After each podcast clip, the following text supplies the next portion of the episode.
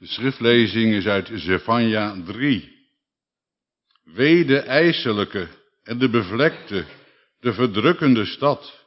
Zij hoort naar de stem niet. Zij neemt de tucht niet aan. Zij vertrouwt niet op de Heere.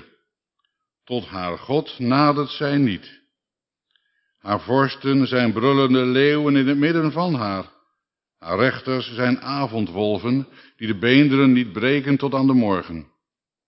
Haar profeten zijn lichtvaardig, gans trouweloze mannen. Haar priesters verontreinigen het heilige, zij doen de wet geweld aan. De rechtvaardige Heere is in het midden van haar, hij doet geen onrecht. Alle morgen geeft hij zijn recht in het licht en ontbreekt niet, doch de verkeerde weet van geen schaamte. Ik heb de heidenen uitgeroeid, hun hoeken zijn verwoest. Ik heb hun straten eenzaam gemaakt, dat niemand daar doorgaat. Hun steden zijn verstoord, zodat er niemand is, dat er geen inwoner is.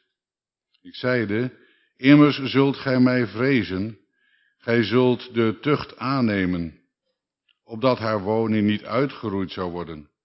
Al wat ik haar bezocht heb, waarlijk, ze hebben zich vroeg opgemaakt, ze hebben al hun handelingen verdorven.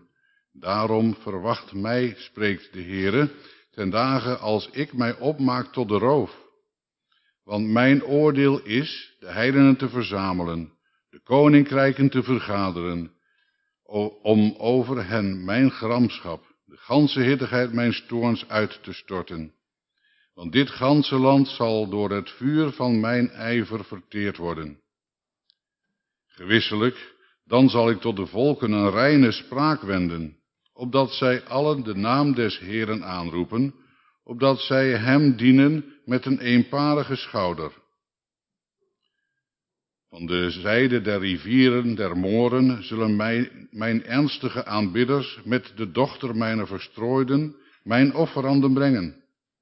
Te dien dagen zult gij niet beschaamd wezen vanwege al uw handelingen, waarmede gij tegen mij overtreden hebt. Want als dan zal ik uit het midden van u wegnemen, die van vreugde opspringen over uw hovardij. En gij zult u voortaan niet meer verheffen om mijns heilige bergs wil. Maar ik zal in het midden van u doen overblijven een ellendig en arm volk, die zullen op de naam des Heeren betrouwen. De overgeblevenen van Israël zullen geen onrecht doen, noch leugen spreken, en in hun mond zal geen bedrieglijke tong gevonden worden. Maar zij zullen wijden en nederliggen en niemand zal hen verschrikken.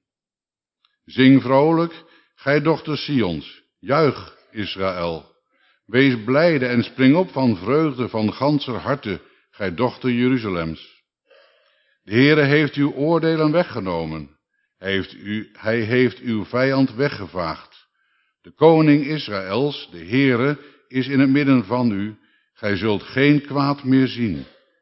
Te dien dagen zal tot Jeruzalem gezegd worden, vrees niet, o Sion, laat uw handen niet slap worden.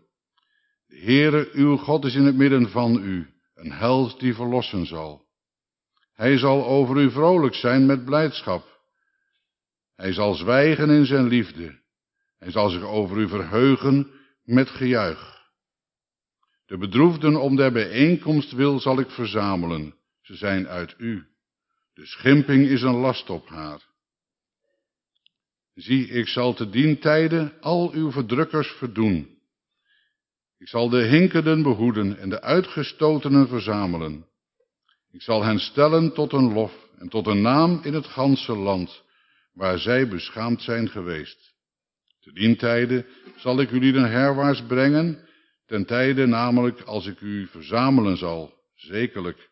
Ik zal u lieden zetten tot een naam en tot een lof onder alle volken der aarde, als ik uw gevangenissen voor uw ogen wenden zal, zegt de Heere.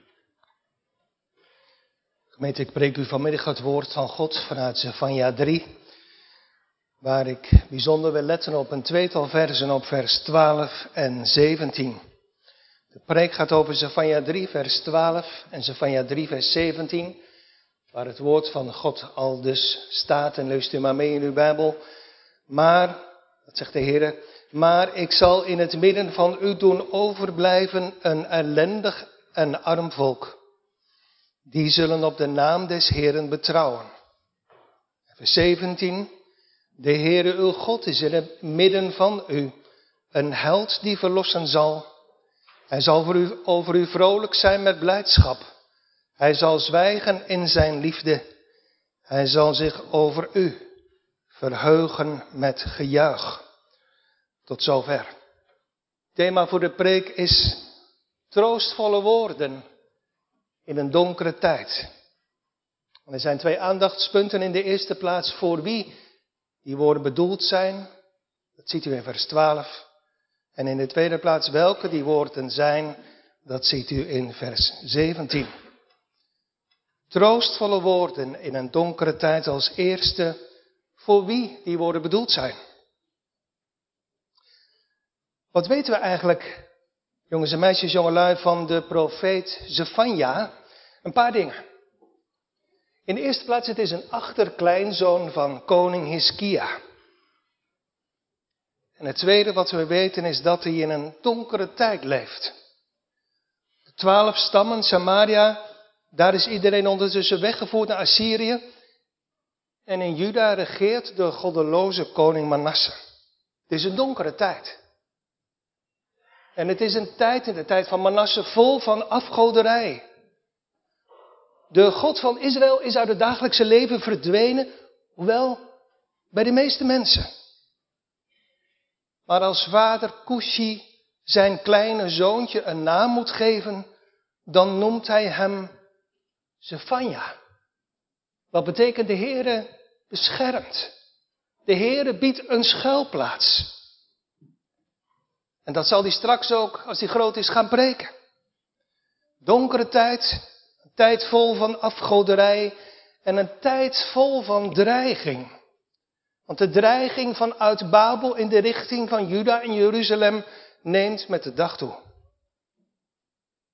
Want Juda heeft God verlaten. En wie God verlaat, heeft smart op smart te vrezen. De straf op zoveel verlaten van de Heer en op zoveel afgoderij in Juda kan niet uitblijven. En juist in die tijd, waarin de donkere wolken van het oordeel zich samenpakken en de vijand langzaam uit Babel oprukt in de richting van Jeruzalem, in die tijd roept de Heer Zephania om te profiteren, om zijn boodschap te brengen. Een boodschap van, een boodschap van oordeel. En een boodschap van hoop. Namelijk van deze hoop, er is een schuilplaats bij God. Zoals zijn naam is, Zephania. Een prediking van hoop dwars door het oordeel heen. Maar zijn profetie, dat hebt u geproefd in het derde hoofdstuk, maar het begint gelijk al in hoofdstuk 1, is oordeelsprofetie. Kijkt u maar terug in uw Bijbeltje in Zephania 1. In Zephania 1 begint hij te preken en dan zegt hij het woord des Heren, ik, zegt God, zal ganselijk, compleet, alles wegrapen uit dit land. Spreek de Heer. Ja, ik zal de mensen uit dit land uitroeien. Spreek de Heer. En ik zal mijn hand uitstrekken tegen Juda en tegen alle inwoners van Jeruzalem. U hoort het, het oordeel is onafwendbaar. God zegt, ik zal komen met mijn oordeel. Oordeelsprofetie. Maar ook profetie van hoop. Want niet iedereen zal weggeraapt worden door die arm des Heren. Niet iedereen zal omkomen. Want dan klinkt nog zo'n zeker, ik zal uit de mond van de Heer. In Zephania 3 vers 12. Maar ik zal in het midden van u doen overblijven een ellendig en arm volk. Zij zullen op de naam des Heeren betrouwen. Kijk eens even goed naar die tekst. Die begint met, ik, dat zegt de Heer, ik zal. Dus als er straks nog iets van Juda in Jeruzalem overblijft, dan is dat niet te danken aan wie dan ook. Juda heeft zich Gods genade onwaard gemaakt. En Jeruzalem heeft Gods genade niet verdiend, maar God zegt, ik zal, want, want mijn eer zit vast aan dit volk. Ze zijn helemaal niet beter dan anderen. Maar ik wil bij hen wonen. In Jeruzalem. Bij wie? Bij mensen die het oordeel even waard zijn als alle andere mensen. En bij mensen die hebben leren erkennen en beleiden, Heere, ik ben uw gramschap, uw toren, dubbel waard. Bij mensen die hebben leren bidden. In de toren, o God, die ik zo waard ben, denk aan uw ontfermen. Zoals we zongen, gedenk niet meer aan het kwaad dat we bedreven. Onze misdaden worden ons uit gunst vergeven. Zijn er ook in deze tijd niet van zulke mensen? Die in hun hart zeggen, Heer, ik ben uw oordeel waard. Ik heb gezondigd. Ik kan wijzen naar de zonde van anderen, maar heren, mijn zonde. Tegen uw wet, tegen uw goedheid, tegen uw evangelie, tegen uw genade. Als dat zo is in je hart, wat houd je dan op met het wijzen naar de zonde van anderen? Je leert zeggen, ik, heren, ben uw gramschap dubbel waard. Wees mij zondaar genadig. In uw toren, o Heere, denk aan uw ontferming. Is er antwoord op zulk bidden? Op zulk zuchten en vragen ook hier, in het midden van de gemeente van Kampen? Is er antwoord op dat bidden? Voor mensen die zo met dat soort van vragen naar de kerk zijn gekomen? Ja, er is antwoord van de Heer. Een goddelijk maar. Maar ik zal in het midden van u doen overblijven een ellendig en arm volk en die zullen op de naam des Heren betrouwen. Dat wil zeggen, de Heer zegt als het ware, in mijn liefde en in mijn genade, in mijn wijsheid en in mijn geduld zal ik uw hoogheid breken, uw hoogmoed breken. In mijn liefde en in mijn genade, in mijn wijsheid en in mijn geduld zal ik u al uw vermeende rijkdommen afnemen. En ik zal in het midden van u doen overblijven. Dus dwars door dat oordeel heen zal er een overblijfsel, een rest overblijven. Dat wil tegelijkertijd zeggen, de meerderheid gaat door. Zonder God op weg naar het verderf. Ja, ik weet het, dat zal in de dagen van Zephania hem ook niet in dank zijn afgenomen en dat kan nu ook zo zijn.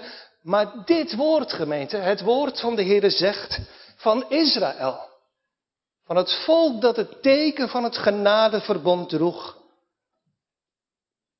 En het geldt ook uw gemeente van Kampen. En ik zeg dat oprecht met snijdende pijn in mijn hart. De meerderheid gaat door. Gaat door. Zonder God.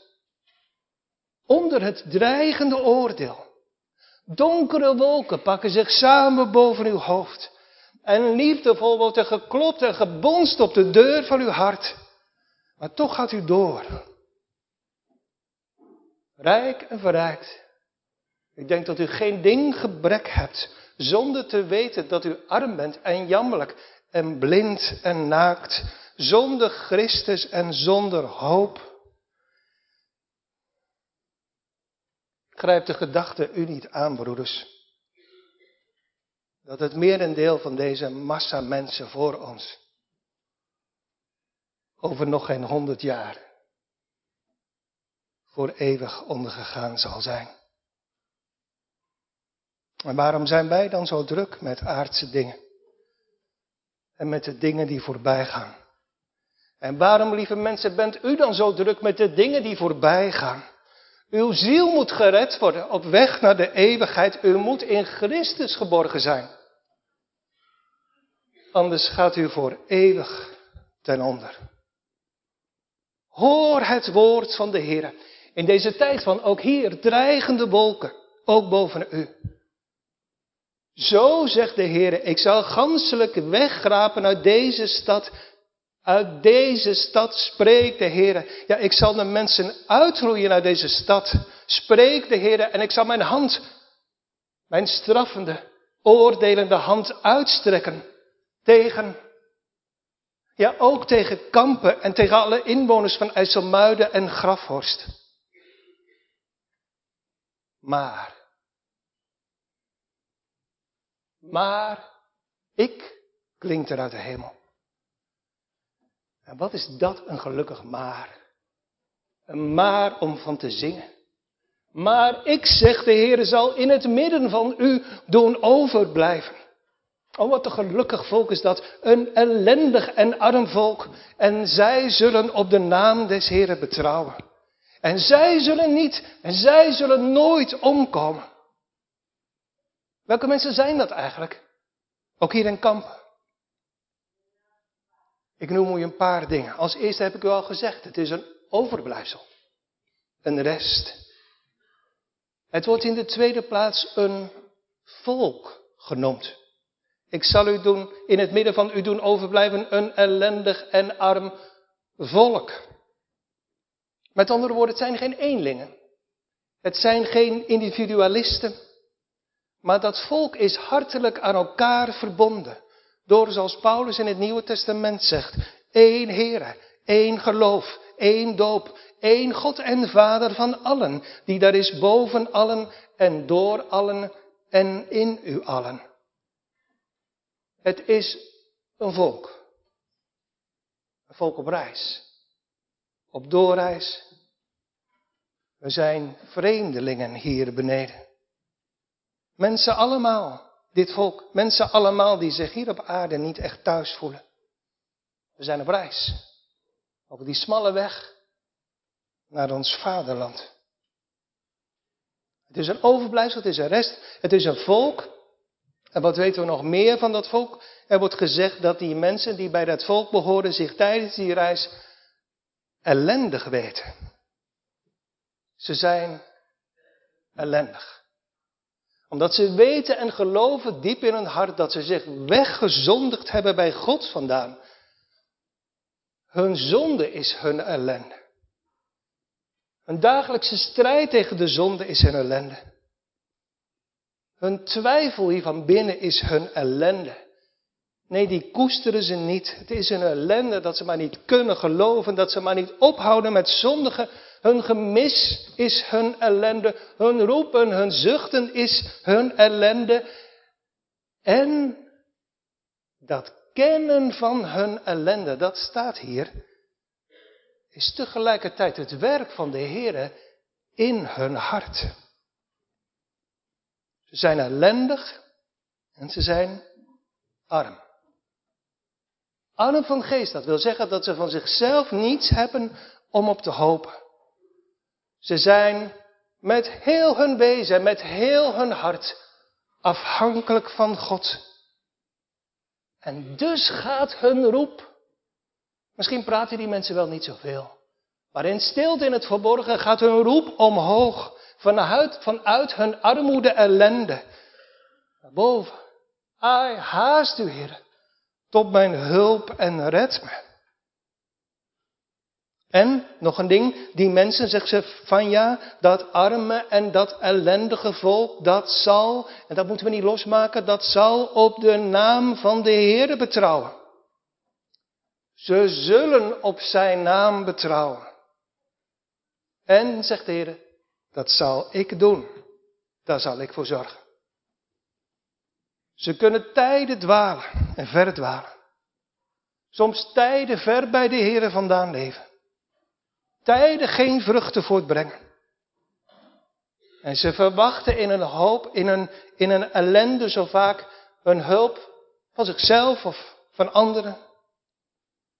Maar, zegt de Heer, dat overblijfsel, die rest naar de verkiezing van mijn genade, zal op mijn tijd, omdat ik ze steeds meer en weer armer en ellendiger laat worden in zichzelf, daarom zullen ze op mijn naam gaan hopen. Op mijn naam, dat wil zeggen, op mij, op God. Omdat de Heer zelf een weg gebaand heeft. Toen nog zou gaan banen en ondertussen gebaand heeft, dwars door het oordeel heen.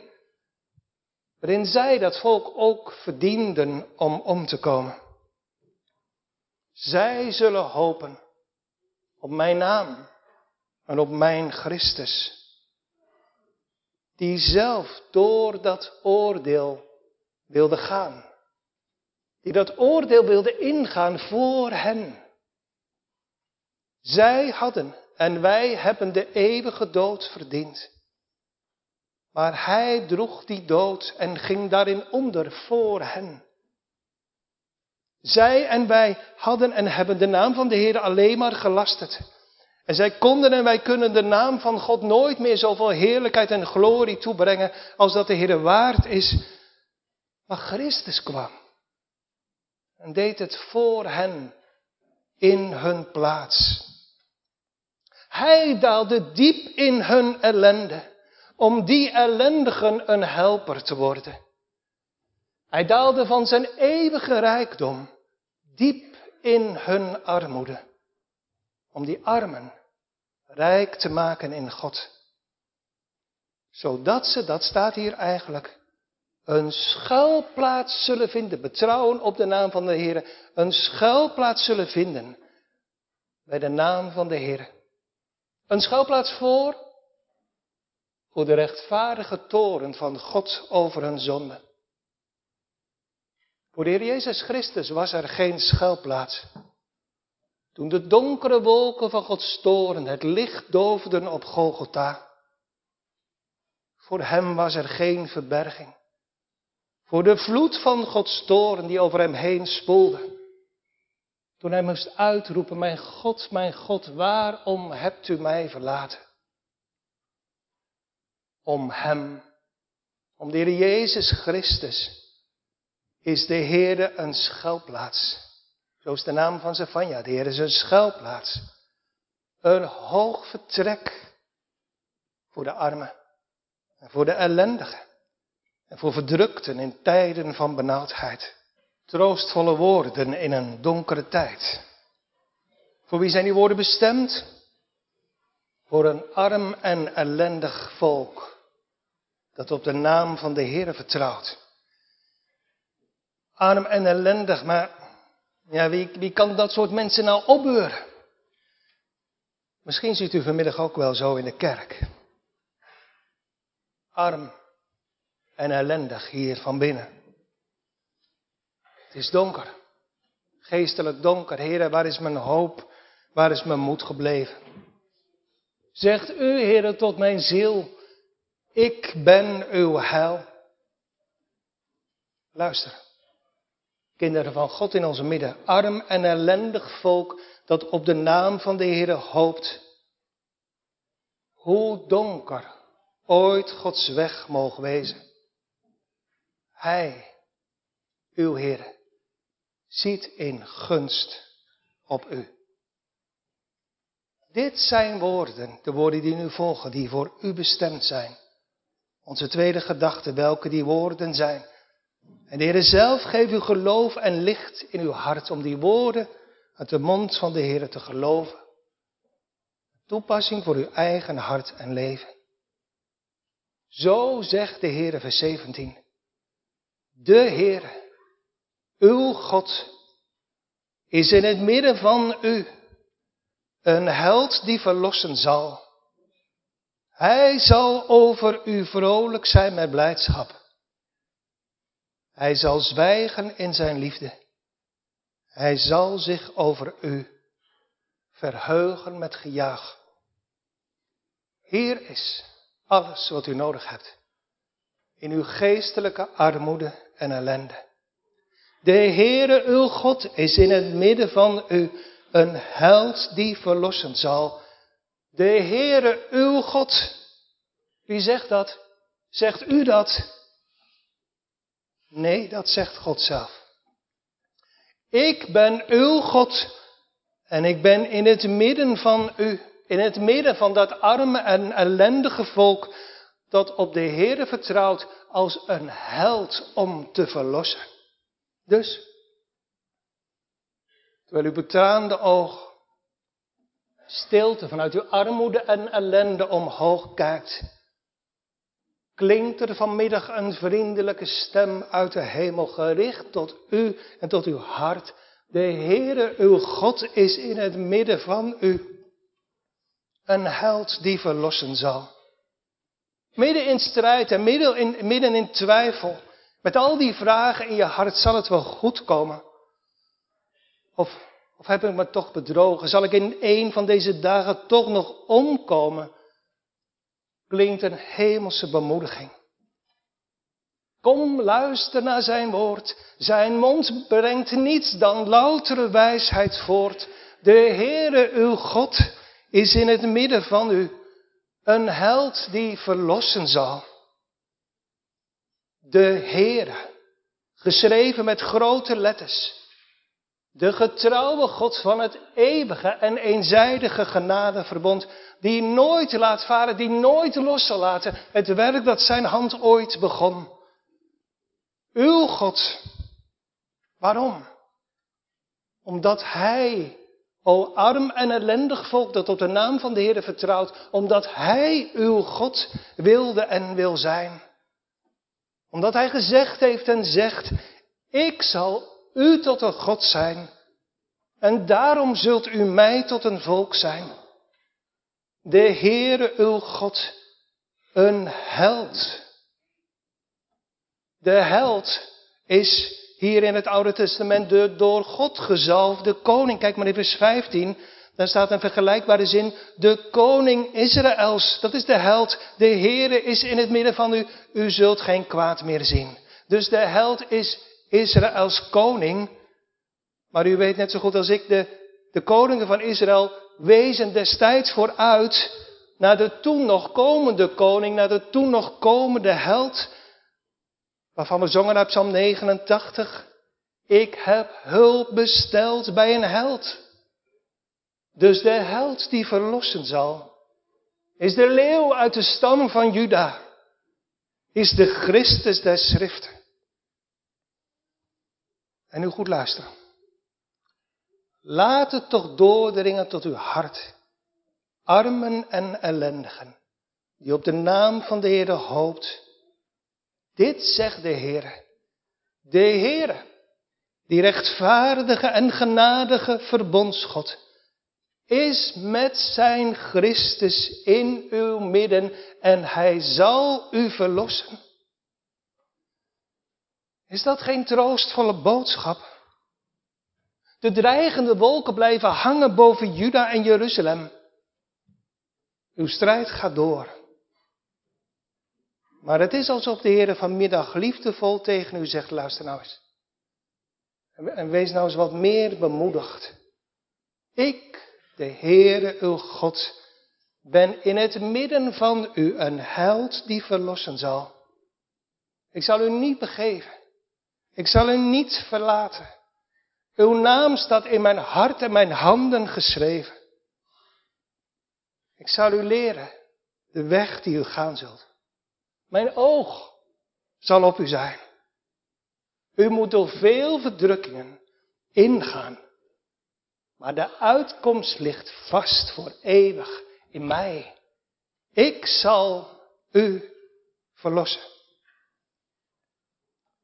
En, vers 17.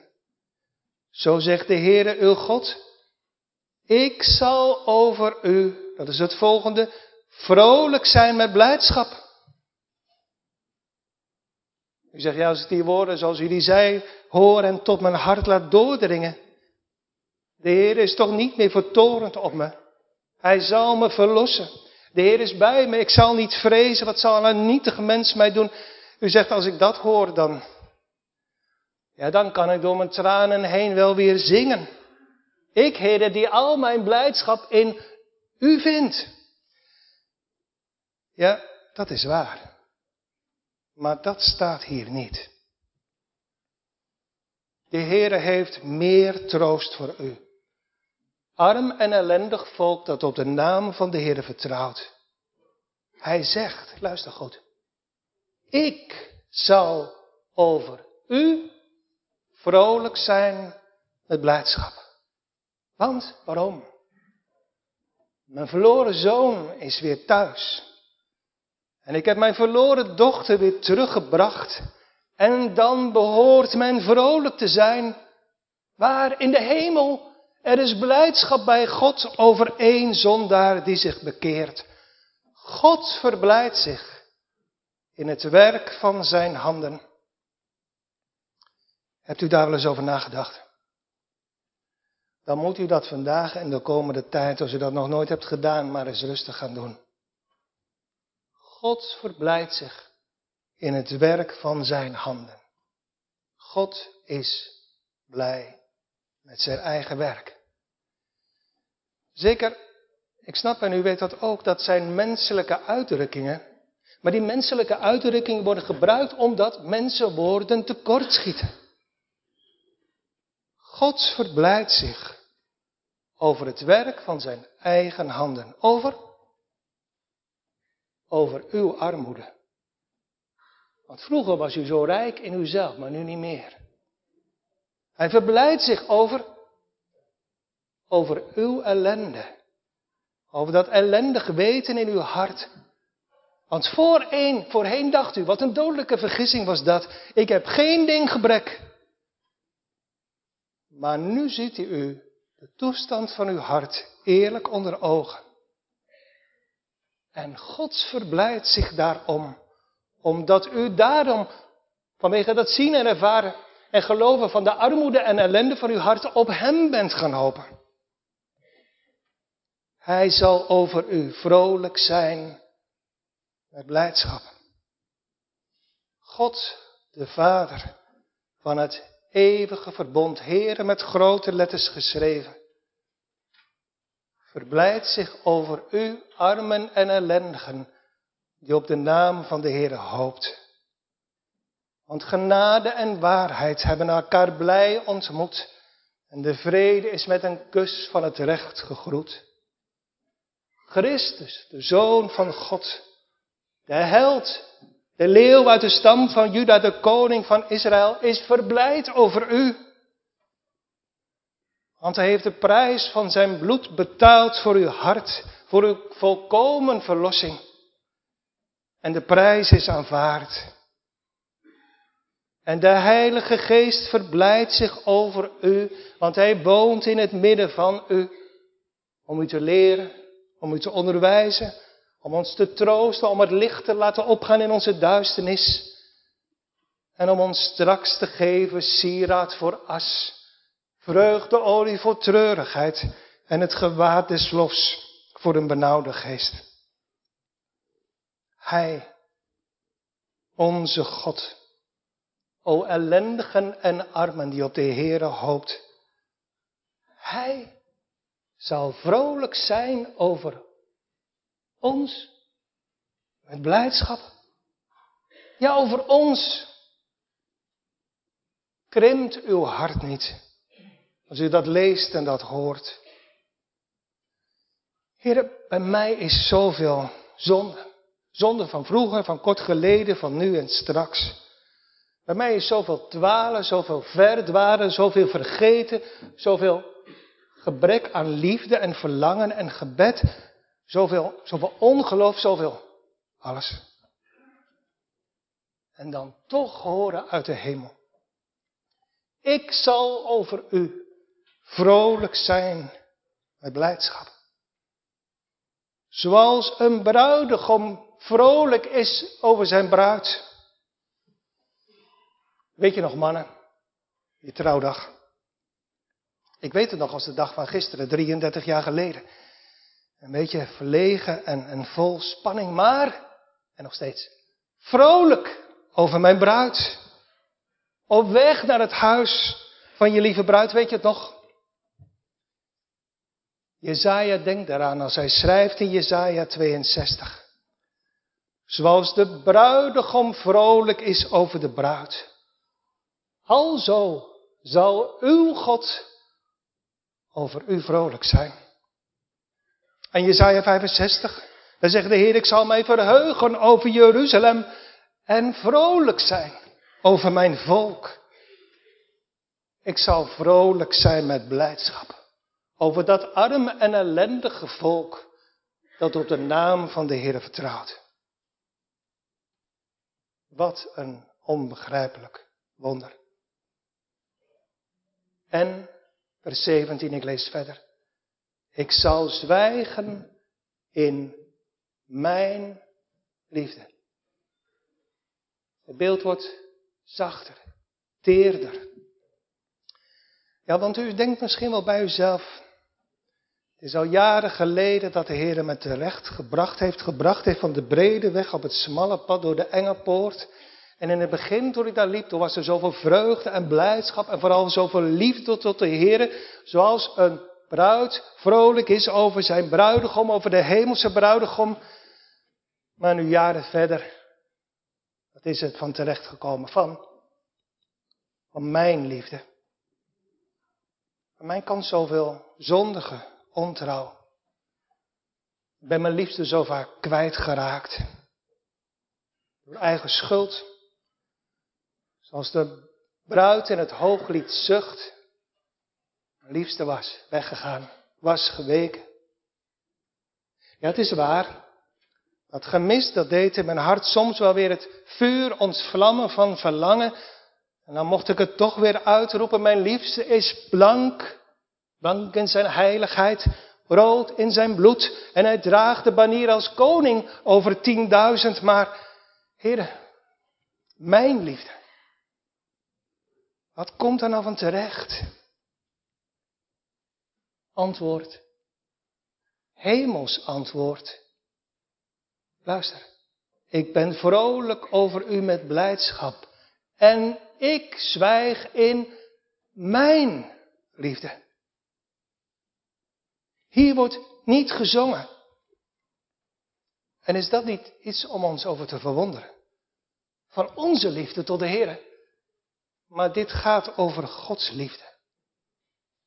Voor Gods bijzondere liefde voor u, armen en ellendigen die op de naam van de Heer hoopt. Hij zwijgt in zijn liefde. Moeilijke uitdrukking. Ik zal hem u proberen uit te leggen met twee voorbeelden. Als je jong bent en je bent een pasgetrouwd stel, dan, dan hou je heel veel van elkaar. En je kletst honderd uit en je zegt het voortdurend tegen elkaar, hoeveel je van elkaar houdt, de liefde straalt eraf. Mooi. Bid en werk dat dat zo blijft. Maar nu ga je samen op bezoek bij opa en oma. Ze zijn in de tachtig. Bijna 60 jaar getrouwd. Twee duifjes die op de bank zitten.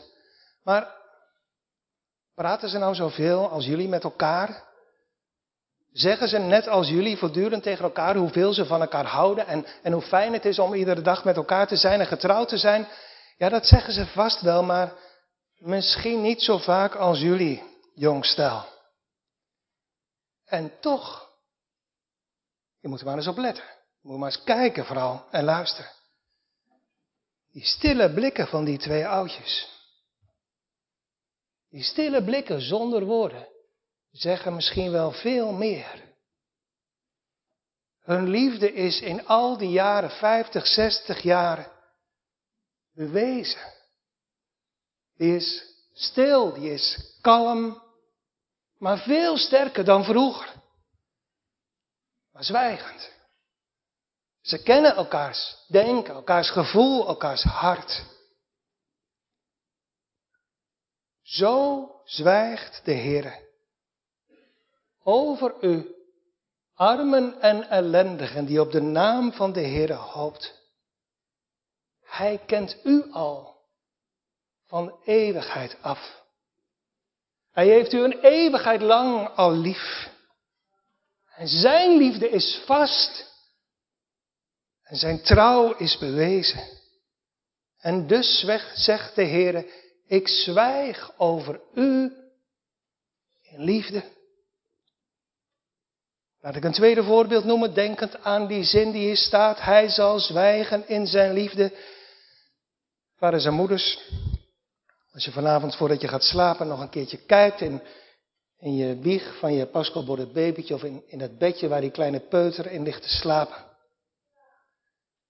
Dan zeg je niks. Sta je daarbij samen. Stil. Woordeloos. Misschien wel met een traan in je oog. Ons kind. Onze baby. En nu? Woordeloze liefde. Onmetelijke vreugde. Bij God vandaan. Neerkijkend uit de hemel. Op die armen en ellendigen die op de Heer hopen. Ik heb u, mijn kind, lief gehad met een eeuwige liefde. Ik heb u gekocht met mijn bloed. En ik heb u gevonden. Ik heb u opgeraapt en ik zal u nooit meer loslaten. Zo kijkt de Heer uit de hemel op u neer, armen en ellendigen, die op de naam van de Heer hoopt. Er was een tijd in het verleden dat de Heer zweeg in toren. U riep biddend. Maar de Heer antwoordde niet. De hemel leek zo gesloten. En u klaagde misschien wel met de dichter, Heere, zult u dan tot in eeuwigheid verstoten en niet meer genadig zijn? Hij zweeg in toren en dat voelde u, dat weet u in uw hart. Maar nu, de hitte van zijn gramschap is geblust. En u zwijgt de Heer in liefde. Want er is geen beschuldiging meer tegen degenen die in Christus Jezus zijn. Er is arme van geest blijdschap in de hemel om u. God ziet met onmetelijke en met stille blijdschap op u vanwege zijn werk in uw hart. Vanwege zijn werk dat hij in u begonnen is en zeker zal voltooien, voleindigen. Op zijn tijd.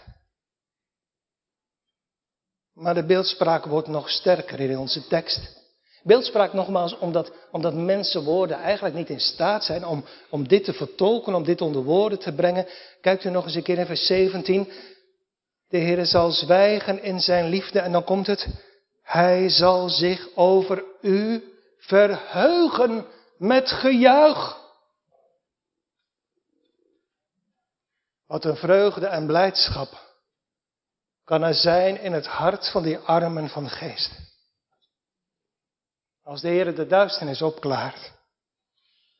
Als we iets van Christus mogen zien, omdat Hij zich aan ons laat zien. Als de vader zich als een verloren zoon, een verloren dochter aan zijn hart drukt, omdat hij dat verloren kind heeft thuisgebracht. Ja, dan zingen we. Wij zingen in Gods verblijd. Dan juichen we, dan springt, zo zegt Psalm 5, dat ons hart van vreugde, omdat wij zijn naam lief hebben. Zoals je moeders kan zingen, vaders ook trouwens, over je kind. Zoals je als bruidegom kan zingen over je bruid. Zoals je vaders en moeders kan zingen om je kind dat verloren was en gevonden is. Zo zingen de armen en ellendigen die op de naam van de Heer hopen. Jezaja zegt, ze maken geschal met vrolijk gezang en juichen. Ja, dat is waar, maar dat staat hier niet. Dit is weer anders. Hier gaat het niet over menselijk zingen, over ons zingen. Maar zo staat er, de Heere zal van blijdschap zingen met gejuich. De Almachtige God in de hemel zingt en juicht. Sommige mensen, dat weet u, kunnen geweldig zingen. En, en menselijke stemmen kunnen de snaren van ons hart raken. Hoeveel zuiverder zingen de engelen in de hemel.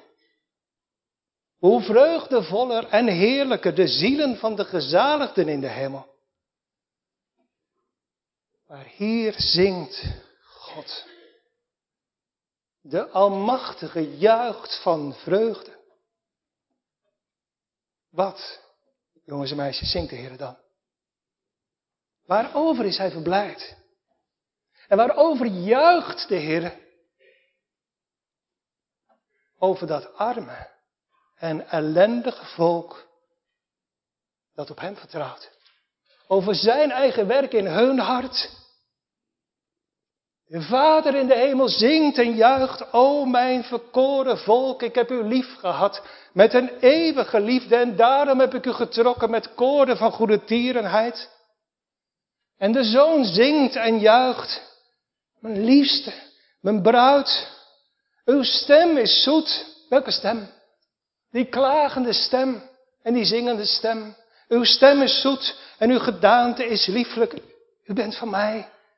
Ik heb u gekocht met de prijs van mijn kostbare bloed. En de Heilige Geest zingt en juicht. Ik heb u al mijn volk levend gemaakt daar u dood was. En ik zal u heilig maken en bewaren totdat mijn werk in uw hart voltooid is. Lieve mensen, is dat niet om stil van te worden? Straks, kinderen van God, zullen we dat is onze hoop en zekere verwachting. Eeuwig zingen van Gods goede tierenheid, maar ik verzeker u, als de Almachtige zelf gaat zingen en juichen over ons, zullen we stil zijn. Zelfs daar. Hoeveel te meer nu. En waarom dat alles zo is, een zwijgende God in liefde. En een zingende en juichende God. Dat kan alleen maar. Omdat diezelfde heilige en rechtvaardige God ooit niet zweeg. Toen zijn zwaard ontwaakte tegen zijn herder en de man die zijn metgezel was. Op Golgotha moest Christus hangend aan het kruis schreeuwen van pijn en verdriet vanwege de toren van God. Toen was er in de hemel geen zwijgen in liefde, maar zwijgen in toorn. Daar aan het kruis gehangen, daar was geen zingen van blijdschap, maar een bittere klacht. Dit wat we hier lezen in Zephania 3 kan alleen maar door wat op Golgotha gebeurd is. Dit kan alleen maar omdat wat Christus gedaan heeft. Om dat werk. Om Hem, om Christus alleen. Mag u armen en ellendigen die op de Heer hoopt, op Zijn naam hoopt, weten en geloven. Als ik hier op de aarde vrees om te zullen komen, in de strijd tegen de zonde in mijn hart, in mijn strijd tegen de wereld, dan is er één in de hemel die zegt, vrees maar niet. Ik ben in het midden van u. Als ik hier op aarde in stilte mijn knieën buig en zucht en verlang naar licht in het donker, dan is er één die in de hemel zegt, vrees niet, ik zal u verlossen. Als ik hier op de aarde treur en zucht om moeilijke wegen, die ging en gaat. Om zonde en ellende. Als ik hier tranen huil voor de Heer, dan is er, en is dat niet wonderlijk, in de hemel één die zich om u verblijdt. Als ik soms vrees of mijn schuld nu wel werkelijk verzond is en de duivel mij influistert, u gaat vast verloren, dan mag ik weten en geloven, u armen en ellendigen die op de Heere vertrouwt, dat de Heere niet meer zwijgt in toorn, maar hij zegt het dat hij zwijgt in liefde. Want hij heeft al uw zonden achter zijn rug geworpen in de diepte van de zee. En hij ziet op u met blijdschap uit de hemel, alsof, alsof u nooit zonde gekend of gedaan had. En als u soms in stilte of met uw mond juicht. Zingt van blijdschap om de grote daden van de Heer. Vergeet dan nooit. Er is er één in de hemel die echt juicht. ontzagwekkend over zijn werk in uw hart. Die vreugde, dat licht, die blijdschap, die van Gods aangezicht straalt in Christus Jezus. Dat gezang uit de mond van de Allerhoogste, dat zal straks onze blijdschap tot het hoogste toppunt laten stijgen.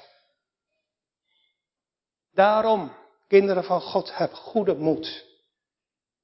Ellende, twijfel, tranen, aanvechting, moeilijke wegen, lijden. Ze hebben een goed doel.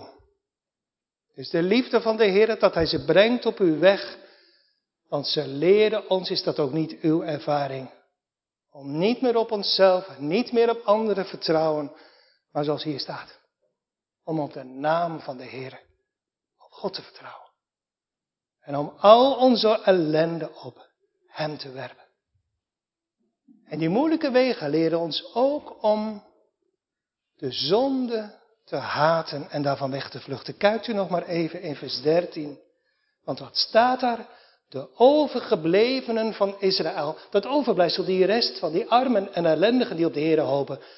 Zij zullen wegvluchten van de zonde. Zij zullen geen onrecht doen, nog leugens spreken. En in hun hart zal geen bedriegelijke tong gevonden worden, maar ze zullen wijden en nederliggen en niemand zal hen verschrikken. Nu dan, ellendigen en armen die op de Heere hoopt, er is voor u vandaag en voor straks reden tot blijdschap. Lees u tot slot nog maar mee in vers 14, 15 en 16. Waar de Heere zegt, in het bijzonder tegen u persoonlijk gericht naar uw hart, zing vrolijk uw dochter Sions, juich Israël, wees blij. En spring op van vreugde, van ganser hart, gij dochter Jeruzalems. De Heere heeft uw oordelen weggenomen. Hij heeft uw vijand weggevaagd. En dan komt het weer, de koning Israëls. De Heere is in het midden van u. U zult geen kwaad meer zien. Vrees dan niet, o Sion. Amen.